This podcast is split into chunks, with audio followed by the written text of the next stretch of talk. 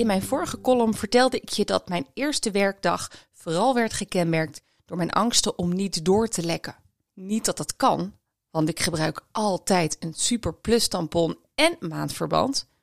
Maar dit komt door een trauma uit mijn jeugd. Een hele grote rode vlek op mijn Levi's 501 op de middelbare school heeft toen een diep gevoel van schaamte achtergelaten. Het was in de derde klas van de middelbare school toen dit noodlot mij trof. En ik was al twee jaar ongesteld, dus I should have known better. Maar ik was bleu.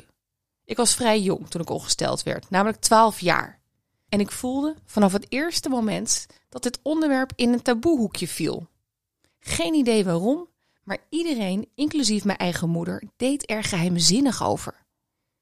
In ons huis werd er gefluisterd dat ik ongesteld was geworden. En mijn vader mompelde iets verplichts waarvan ik alleen het woord vrouw verstond.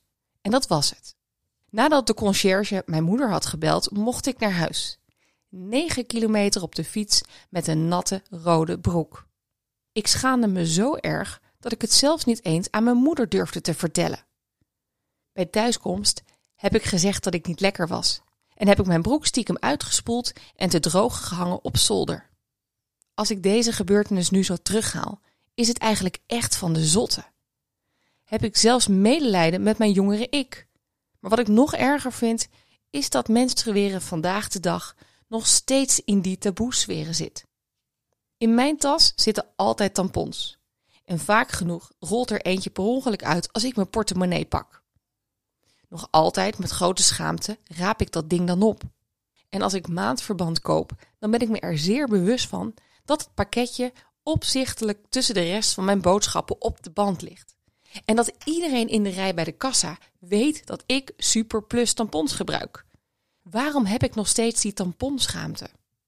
Ik las van de week een onderzoek dat de meeste mannen ongesteld zijn maar vies vinden.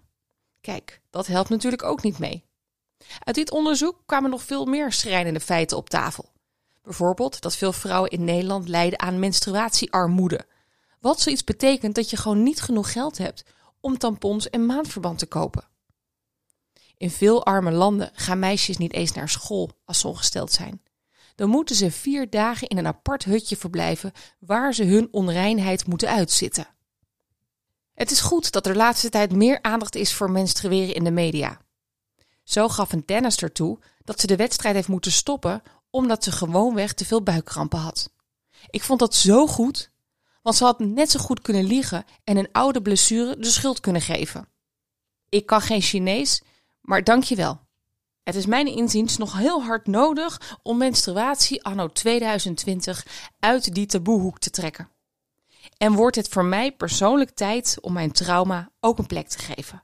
Want ik ben de afgelopen 25 jaar niet één keer doorgelekt. Dus, next time doe ik een normale tampon in en een inlegkruisje.